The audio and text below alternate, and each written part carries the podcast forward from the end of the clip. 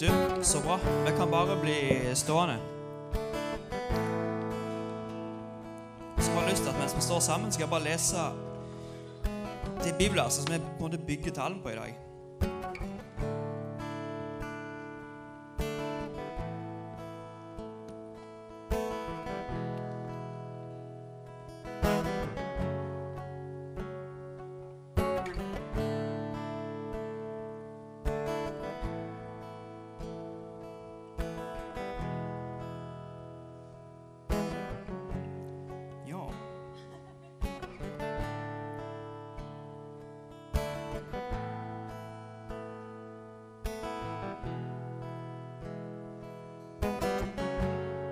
Digg å stå og høre Thomas Kimper på pian, nei, gitaren.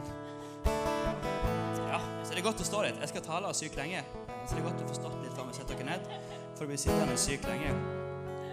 Du, i 1. Korinterne 15, 57-58 så står det Men takket være Gud får vi på tross av dette seier. Dette skjer fordi vår Herre Jesus Kristus tok vår straff. Derfor, kjære venner, må dere holde fast på troen ikke gi opp. Det var det som på en snakket mest til meg. Vi må holde fast på troen vår og så ikke gi opp. Fortsett, dere, fortsett deres helhjertede arbeid for ham, for dere vet at deres arbeid i Herren ikke er forgjeves. Og Det er litt det jeg skal snakke om i dag. Eh, hvordan vi både kan leve sammen med Gud og liksom holde fast på den trua. Så helt til slutt før vi ser dere, så vil jeg bare be en kjapp bønn. Kjære far, jeg bare takker deg for eh, nok en lørdag, nok et ungdomsmøte. Jeg bare takker deg for hver en som er her i dag. Du bare ser det de står i, eh, det de holder på med på fritida. Jeg bare ber om at uansett om de er på, på en fjelltopp der de bare nyter livet, så er du med dem. Eller om de er nær en bølgedal der ting er tøft, der ting er vanskelig, eh, så er du med dem, Jesus. Og Jeg bare takker deg for at det du har lagt på hjertet mitt i dag.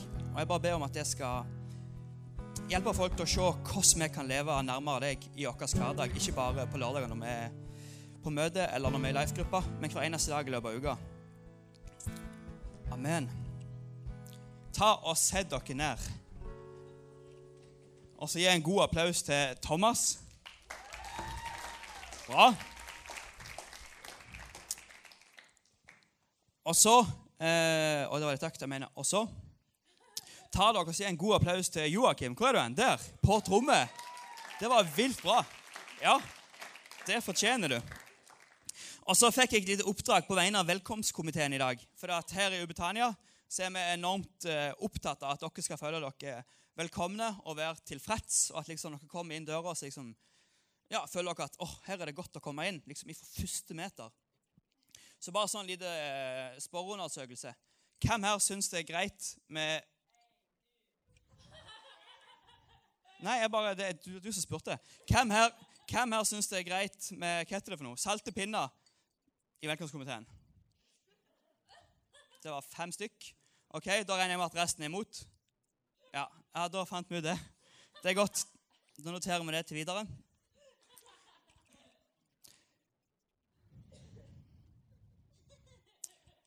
Digg. Da kan vi begynne på det viktige. Nå er liksom litt, den, litt mindre viktige ute av verden. Eh, og litt på en måte tanken min bak den talen er at det fins veldig mange typer mennesker. Det er jo vi bare her et bilde på. Men jeg tror det fins to typer mennesker. Eh, og det er mennesker som lar miljøet rundt seg påvirke deres liv med Gud. Og så er det mennesker som lar deres liv med Gud påvirke miljøet rundt seg. For eksempel, hvis du er fotballspiller, spiller på fotballag, og når du kommer inn i garderoben, der er det et miljø. Eh, og hvis du lar det miljøet påvirke ditt liv med Gud, så er du en som lar miljøet rundt deg påvirke ditt liv med Gud. Men hvis det er motsatt, idet du trår inn i den garderoben, hvis ditt liv med Gud da påvirker det miljøet, så er du da den kategorien. Dere skjønner? Bra. Jeg kjenner jeg trenger litt vann. Kan du hente det, Vilde? Åh, så bra. Og jeg så en person som virkelig var sånn enormt på på dette. her. Du bare så at der han var, der ble liksom hele miljøet ble påvirka av han.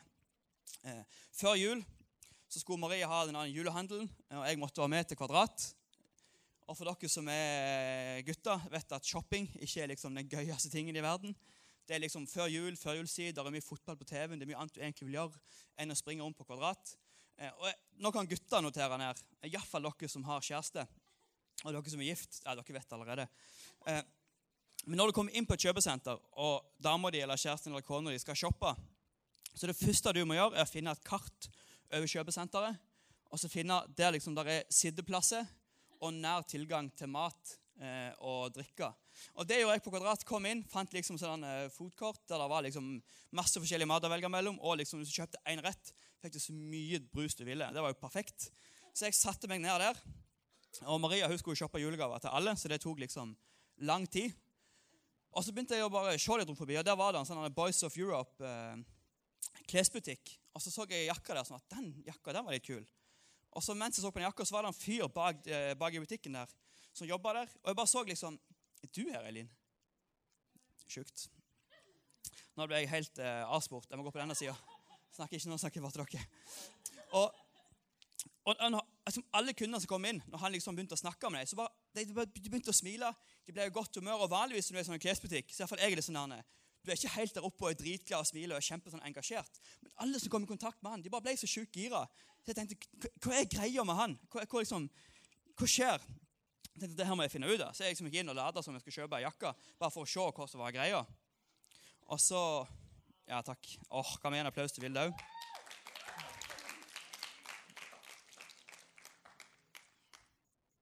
Liksom, hva i alle dager er greia med han her? Så jeg liksom, eh, jeg gikk bort og spurte. Jeg hadde jo egentlig tenkt å kjøpe jakka, bare syntes hun var litt kul. Du, denne jakka her. Og jeg merka det med en gang at det var liksom et eller annet spesielt med han. Eh, så jeg endte opp med å kjøpe to jakker og en genser, men det er en helt, helt annen ting. Men så begynte jeg å snakke litt med han. liksom, hva, hva er greia her? Og han sa liksom det at jo, han hadde fått et kall. Eh, og han, han sa liksom at han hadde òg merka det. Folk hadde liksom kommentert at det er et eller annet spesielt med deg. Og han trodde oppriktig at det på en måte var Jesus eh, og hans godhet og kjærlighet som var inni han, som bare smitta over på folk som kom rundt han. Og jeg tenkte, å, sykt kult, men liksom, du sa du hadde fått et kall. Hva, hva er greia der? Og så bare, jo, Jeg fikk høre at jeg skulle flytte til Rogaland, og der skulle, jeg, eh, der skulle Gud bruke meg. Og så var det liksom ingenting som skjedde. Jeg fikk ingen jobb. Eh, så plutselig fikk jeg jobb her på Kvadrat. tenkte, greit, da får Gud bruke meg her.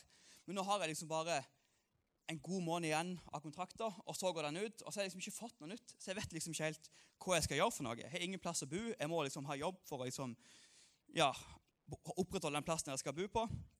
Og så tenkte jeg at det her er jo litt kult, for at Haua det er jo i Rogaland. Dere er med?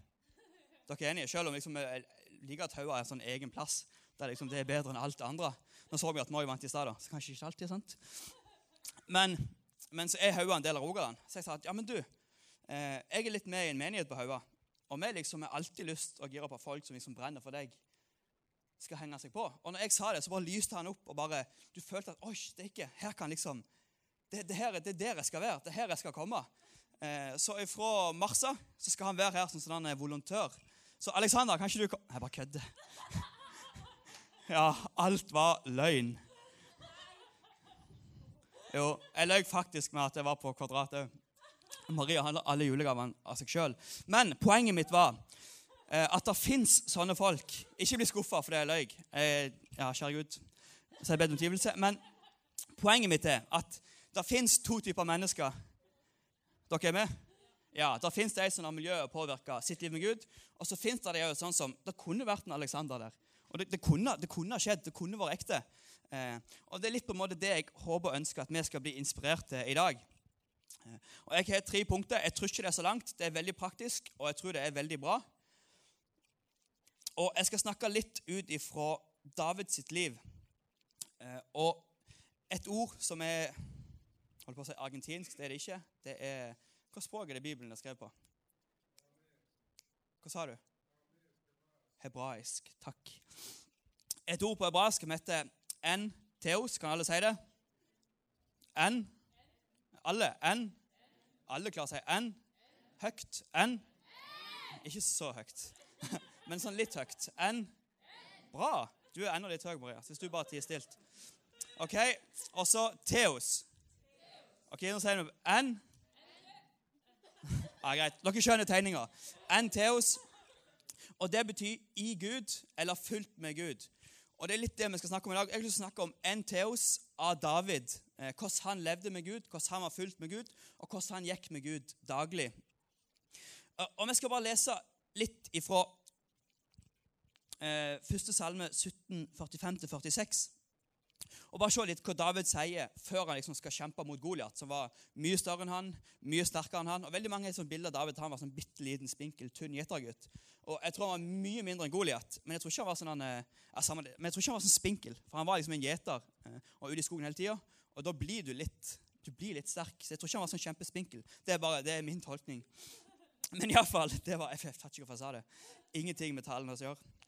Men der, der liksom snakker David til Goliat før han skal gå til kamp. Og jeg ser for meg at det her er liksom en, egentlig lett match for Goliat. Men bare hør liksom på hvor, ja, hvor, hvor sikker David er på at ja, sammen med Gud så fikser jeg dette. For der står det David svarte du kommer mot meg med sverd, spyd og sabel, men jeg kommer mot deg i navnet til Herren over herskarene. Han som er Gud for Israel, Israels hær, han som du har hånet. Altså, han kommer mot, mot sammen med Gud. I dag vil Herren gi deg i min hånd. Jeg skal slå deg i hæl. Nokså cocky. Hugge av deg hodet. Enda mer cocky. Og liket ditt og likene til filisterherren, det var liksom hæren hans, skal jeg i dag gi til fuglene under himmelen og til ville dyrene på jorden. Så skal hele jorden forstå at Israel har én Gud. Og jeg tenker at Han lot virkelig sitt liv med Gud påvirke miljøet rundt seg. For det skulle egentlig vært helt motsatt. Og Vi skal se på tre ting som jeg tror hjalp David til å leve sånn med Gud. Og Den første tingen er at han stolte på Gud daglig. Jeg vet ikke med dere om dere noen, noen gang har stolt på noen som dere ikke burde ha stolt på, eller som dere fant ut etterkant åh, det her var ikke så lurt, eller kanskje du kjente liksom, der du stolte på dem, at å nei, det her skulle jeg ikke ha stolt på. Eh, jeg var i en sånn situasjon en gang. Jeg var dessverre han personen som ikke han andre personen burde ha stolt på. Eh, når vi var bitte små, så vi hadde ikke så mye godteri hjemme. Men av og til så kjøpte mamma bananer. Og det var liksom, da, det fantes ingenting bedre enn bananer. Eh, og hun visste jo det, og vi liksom spiste de opp med en gang vi fikk tak i dem, så hun gjemte de på toppen av kjøleskapet. Liksom, vi, vi, nådde ikke opp der. Det var liksom helt umulig. Så fant vi ut at komfyren den står liksom på siden av kjøleskapet. Og så er kjøleskapet her. Så hvis vi bare kommer opp på komfyren, så får liksom en nådd de bananene. Og Vebjørn var liksom en av mine yngre brødre. Var liksom den mest akrobatiske på den tida. Eh, han er ikke det nå. Det er ikke meg heller. Det er Lasse. men det er en annen historie. Eh, så han liksom fikk oppgaven å klatre opp på komfyren.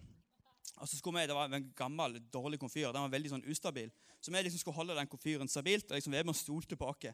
Så han kom opp på komfyren, og han sto liksom på komfyren. Og så måtte han stå på tå for å nå de bananene. Og så var liksom de sånn, Mamma hadde lagt dem helt inntil veggen, så han måtte jo stå helt ytterst på komfyren på tå for å nå dem. Og Akkurat da så begynte komfyren å vippe, og der sto det ei svær gryte. Vi var liksom seks unger. Svær gryte med poteter som mamma skulle koke til middag, og det vannet kokte. Eh, og meg og Lasse som sto på gulvet, han holdt komfyren. Vi var ikke dumme, vi skjønte at det her går aldri bra. Så vi slapp alt, sprang av sted, og så velta jo komfyren. Og jeg vet ikke helt hvordan det skjedde. Men i det fallet så fikk han ikke bananene. Eh, men og, ja, Han hadde ikke mye klær på seg. Jeg tror han hadde bokser liksom, og kanskje en singlet. Men han landa liksom oppi gryta på vei ned, og det var dritvarmt vann. Og så bare den splæsja på gulvet, så var det liksom vann overalt. Og så lå han midt på gulvet og hylskreik, for det er veldig vondt å bli brent. Eh, og meg og Lasse, lure som var, tenkte nei, redd dere sjøl. Og så skallsprang vi bare vekk. Eh, så han fikk sånn kjempebrannsår. Eh, så det, at, det, er ikke alle her i verden du skal ha stoler på. Og jeg er veldig glad for at liksom ikke folk trenger liksom å stole hele livet sitt på meg. Jeg, jeg, hadde nok ikke gjort det samme nå, for jeg har lært litt. Men David han var virkelig en fyr som på en måte måtte stole på Gud. For at i hans hverdag så var jo han gjeter. Han var liksom ute og passet på sauene alene. Og det sto liksom at det kom bjørner, løver og diverse rovdyr og prøvde å ta sauene. Og jeg tenkte litt sånn, Når du er én mann alene, så er det litt sånn bjørn eller løve Du blir litt sånn åh, klarer jeg egentlig dette? her? Takler jeg dette? Men jeg tror at grunnen til at David liksom naila det, var fordi at han stolte på Gud, og han liksom gikk med Gud. Eller stolte på Gud daglig. Og jeg tror Vi også må tvinge oss litt til det. Ikke gå ut i skogen og liksom jakte på bjørn og, og løver. Vi tvinger oss til å liksom av og til leve livet litt sånn at vi ikke klarer det helt sjøl. At vi liksom er litt avhengig av at Gud, eh, du må være med meg for at dette skal gå, skal greit. Ikke liksom ta helt av, men dere skjønner hva jeg mener. For at når vi lever liksom innenfor vår komfortsone. Der liksom vi, dette fikser jeg, dette er jeg kontroll på, dette er ingen problem. Så kan vi lett tenke sånn at ja, men jeg trenger jo ikke Gud. det her fikser jeg sjøl. Men idet vi begynner å gjøre sånn som Peter, at han begynte å trø ut på vannet, så måtte han ha blikket på Jesus for at det skulle gå. Og jeg tror vi må også leve litt sånn, at liksom, litt utenfor vår komfortsone. Eh, for å stole på Gud. Og når vi da gjør det daglig, eh, så vil vi ta nye steg nærmere Jesus hele tida. Jeg tror det var det David gjorde. Mm. Og det å leve med Gud er ikke et produkt av miljøet. Det er ikke noe som vi bare kan liksom, få av det miljøet rundt oss, men det er en bestemmelse vi må ta i hjertet. Vi må bestemme oss for at greit, Gud, ifra nå så skal jeg gå med deg daglig. Jeg skal stole på deg daglig, eh, og det er meg og deg, Gud. Så første punktet det er å stole på Gud daglig. Andre punktet er at David han gikk med Gud daglig. Gud, altså David han var gjeter for sauene, mens Gud han var Davids gjeter. Han skriver det i Salme 23. Herren er min hyrde, og jeg mangler ingenting. Eh, og For dere som har hørt meg tidligere, så fortalte jeg om en historie der jeg trodde jeg drepte en sau. Og for dere som ikke var her, dere gikk glipp av en litt gøy historie. Eh, og Jeg har en annen sauehistorie. for Vi bodde på gård, og det var ikke så mye å gjøre. Og vi hadde ikke så mange venner, så det var bare oss brødre. Og Det gøyeste vi visste å gjøre, det var å jage sauer. Eh, og I starten så jakte vi liksom hjemme på gården, før vi fikk kjeft av bonden om vi måtte gå opp i hei og jage dem, for der så ikke noe. Eh, og Golf, jeg beklager, jeg jager ikke sau nå lenger, men det var bare det vi gjorde.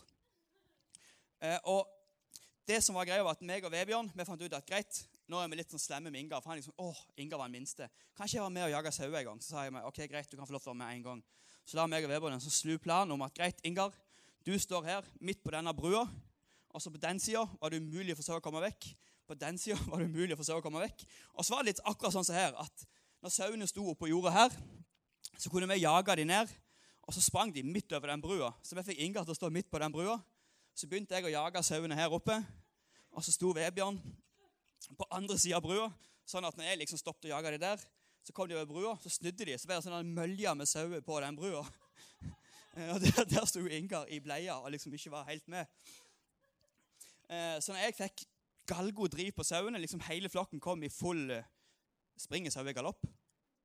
Nei, de sprang iallfall fort. De sprang fort opp på den brua.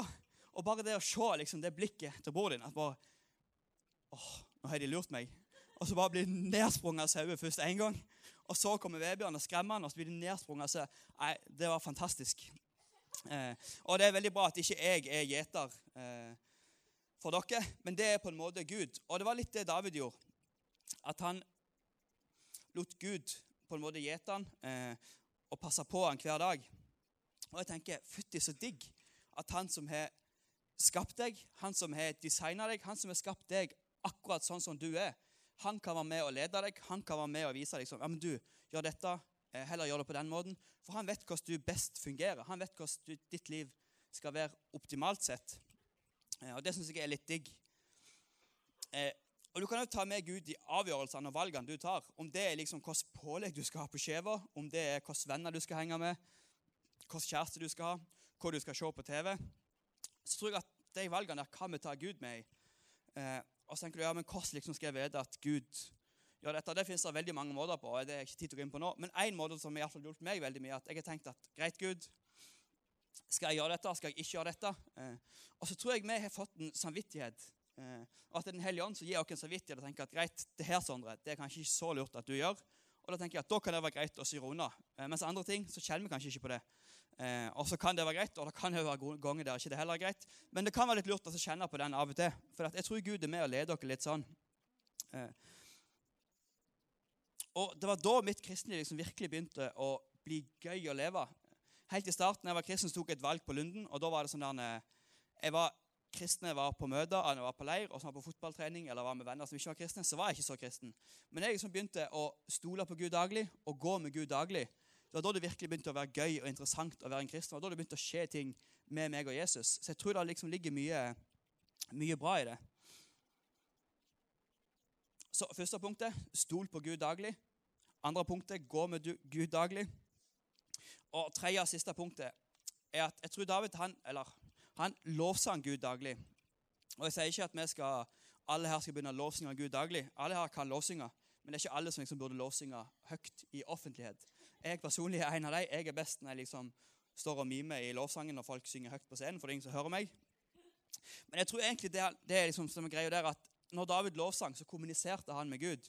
Du ser liksom de tekstene han skriver i, i salmen. at det er liksom, Noen ganger så klager han på Gud, noen ganger så takker han Gud, andre ganger liksom, hva er greia Gud? Det er hans måte å kommunisere med Gud på. Eh, og jeg tror vi òg må gjøre det. Eh, for at vår relasjon med Gud, med Jesus, eh, skal bli best mulig, eh, så må vi leve et liv sammen med dem. Vi må gå med dem, som jeg snakket om, vi må stole på dem, men vi må òg snakke med Jesus. Og Det kan virke litt rart, det kan virke litt kleint. For meg så var det veldig liksom, kleint å plutselig begynne å be til Gud hver dag liksom, og snakke med Gud. Og Det som liksom kan være litt sånn lurt, er å begynne å kanskje takke Gud. Da tenker du, men Hva skal jeg takke for? Nei, Vi er faktisk sykt heldige. Vi bor i Norge. Vi liksom har klær, vi har mat. Alt det der det kan du begynne å takke for. Eh, og så når du begynner liksom å takke Gud og snakke med Gud, eh, så skjer det et eller annet. Og så blir det bare mer og mer naturlig. Så vil du merke at etter hvert eh, så er det faktisk sykt digg å ha med seg Gud daglig på den måten. Så igjen, det å leve med Gud daglig Jeg tror ikke det er et produkt av miljøet, men igjen, det er et valg vi må ta i hjertet vårt. Det er noe vi må bestemme oss for. Eh, og dette her er veldig viktig, for det er folk som tenker at ja, men Sondre, jeg er ikke god nok for å leve det livet sammen med Gud hver dag. Jeg lever på et liv som på en måte, jeg strekker ikke opp. Det er ikke bra nok, det jeg gjør. Gud han, liksom, han vil ikke leve med meg. Men greia er at du er aldri ikke god nok. Eller du kan stå motsatt på det. Egentlig så er alle ikke gode nok. For det at Gud han tåler ikke synd. Han tåler ikke at vi gjør dumme og feile valg. Eh, men så sendte Gud Jesus. Han levde på jorda helt feilfritt. Han døde for meg og deg, og så står han opp igjen ifra de døde. Sånn at uansett hvor mye dritt vi har gjort, uansett hvor mange feil vi har gjort, uansett hvor langt vekk vi er gått ifra Gud, eh, så gjennom Jesus så er det bare alltid ett steg tilbake igjen til Gud.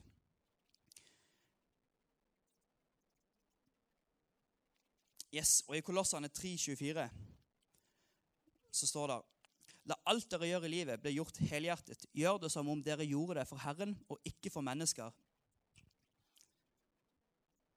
Her sier det på en måte det at liksom, ikke gjør ting for verden, ikke gjør ting for mennesker, eh, men gjør ting for Gud. Det er det det handler om. Eh, så min oppfordring veldig konkret, eh, veldig praktisk. Men jeg tror det kan ha stor betydning for livet vårt. Ta oss og Stol på Gud daglig. Eh, legg livet ditt i Guds hender og trø litt ut fra de komfortsonene. sånn at liksom du er litt avhengig av at Gud skal være med deg for at ting skal gå rundt. Eh, gå med Gud daglig. Ta Gud med i dine valg. Ta Gud med i dine avgjørelser i din hverdag, ikke bare på en lørdag. Eh, og så kommuniser med Gud daglig. Snakk med han, be med han. Så tror jeg Gud virkelig vil gjøre ting i livet ditt. Kanskje folk tar og bare bøyer hodene og lukker øynene. Så jeg bare har lyst til å be en bønn før vi går helt inn mot avslutning.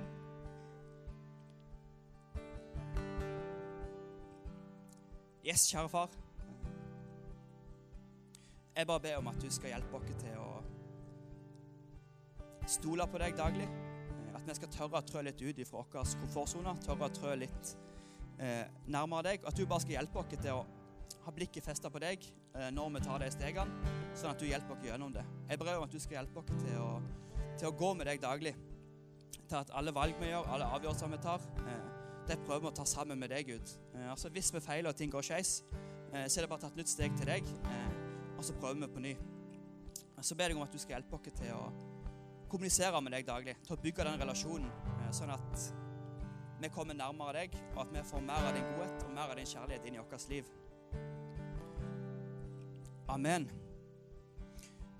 Og Kanskje det er noen her som sitter og tenker at ah, jeg mangler liksom noe. Eh, når du hørte den historien om Alexander fra Sverige som ikke jobbet på Kvadrat, som egentlig ikke fantes i hele tatt, så tenker du at åh, det der det har jeg òg litt lyst på. Og liksom, Det er en som påvirker miljøet rundt meg. Eh, og kanskje du ser at ah, simannen min har det, eller hun det, eller han det. Eh, og det, det er ikke noe du har så tror jeg at det er noe du kan få. For jeg tror at den tingen som på en måte, det lille ekstra, jeg tror det er Jesus. Eh.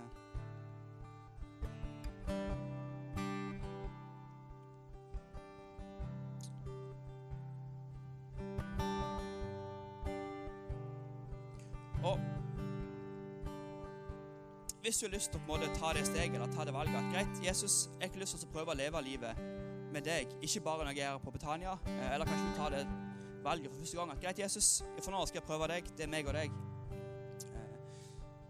Eh, så skal du få mulighet til det nå. Eh, og hvis du sitter og tenker at ja, men jeg har ikke gjort det og det, jeg har ikke tenkt det og det, jeg har ikke sagt det og det, eh, så betyr det ingenting. For Jesus han tok alt det på seg når han døde for oss. Så igjen, vi kan bare bøye hodene og lukke øynene.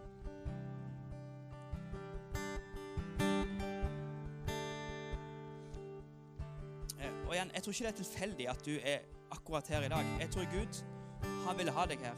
Eh, og det er en grunn til at han vil ha deg akkurat her. Og det er for at Gud han ønsker å ha en relasjon med deg. Han ønsker å leve livet med deg. Men så er Gud òg en gentleman. Han liksom hopper ikke over deg og på en måte drar deg inn i det. Han venter til du skal ta det første steget, eh, og så er han der. Så hvis du kjenner at greit, Gud, greit, Jesus, jeg har ikke lyst til å prøve å leve et liv sammen med deg, eh, så tar du rekk opp i hånda og teller til tre. Altså, det blir en avgjørelse bare mellom deg og Gud. Skal ikke ta noen fram. Ingenting kleint, ingenting skummelt. Det blir bare en avgjørelse mellom deg og Gud. Så hvis alle holder hodene nede og øynene igjen, så teller jeg til tre, og så kan du også ta det valget. Én, to, tre. Yes, kan bare ta ned hendene.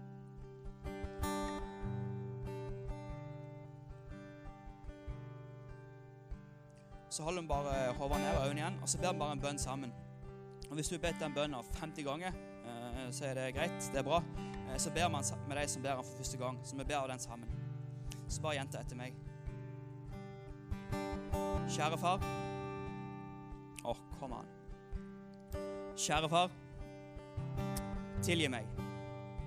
Fyll meg med din ånd, så jeg kan gå med deg, stole på deg og kommunisere med deg daglig. Mitt liv er ditt. Amen.